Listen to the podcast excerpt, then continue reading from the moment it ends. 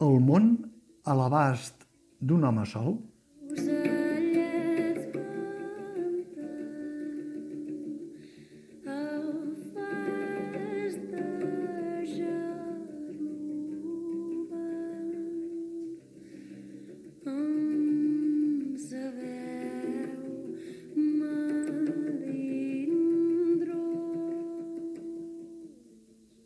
El món torna a estar a l'abast de les barbaritats d'un home sol. He dit home, és clar, però caldria començar a buscar qualificatius desacomplexats. Dictador, tirà, assassí, despòtic, opressor, criminal, psicòpata...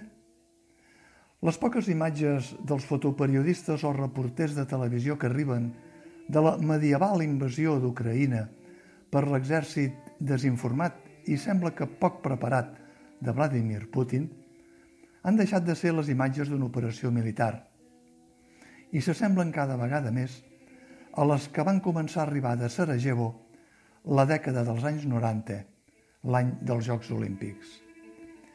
Infants de mesos, ferits en braços de joves pares desesperats, famílies bombardejades en ple fals corredor d'evacuació humanitària i estesos a terra al costat de la maleta de rodes que no ha pogut completar el camí.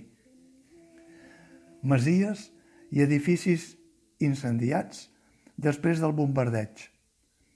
El vídeo testimonial dels 5 minuts de terror dels quatre periodistes de la cadena Sky News, tirotejats una i una altra vegada per presumptes sabotejadors dins de les files ucraïneses, proveïts d'armes sense cap control.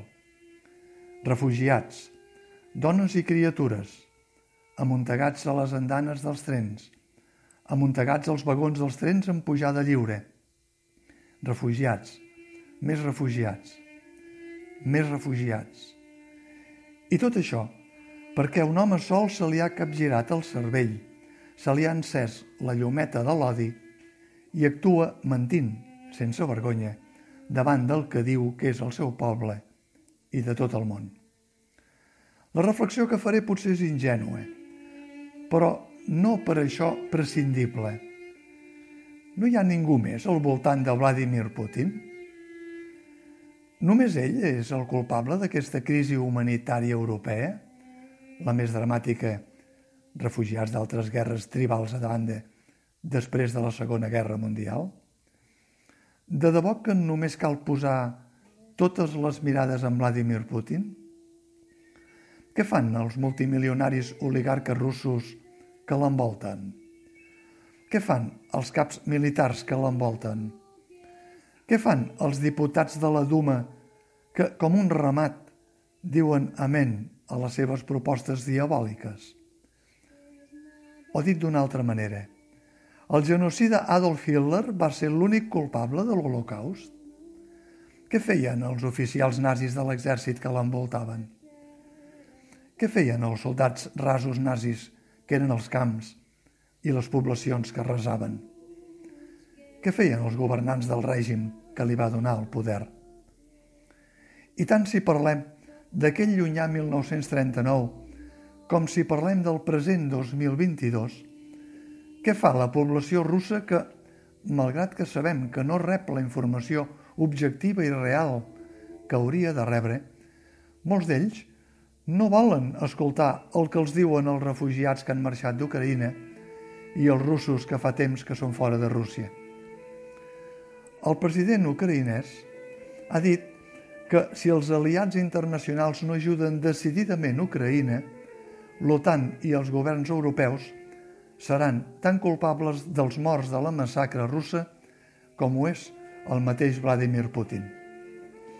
El president ucraïnès Volodymyr Zelensky demana avions de combat.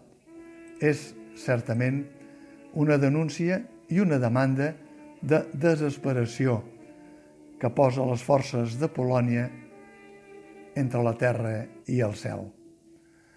Si la vella Europa se'n surt d'aquesta nova crisi humanitària en clau de guerra i si els ucraïnesos aconsegueixen fer un tallafoc de seguretat entre Europa i Rússia, seran només gràcies a l'heroisme numantí que ells, tots sols, estan llegant com a exemple de lluita i dignitat personal al món contemporani.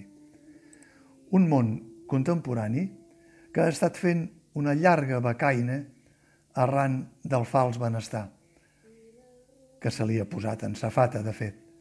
Un món contemporani que està poc avasat a viure en pròpia carn quadres èpics com els que es viuen a Ucraïna aquests foscos dies de ple segle XXI.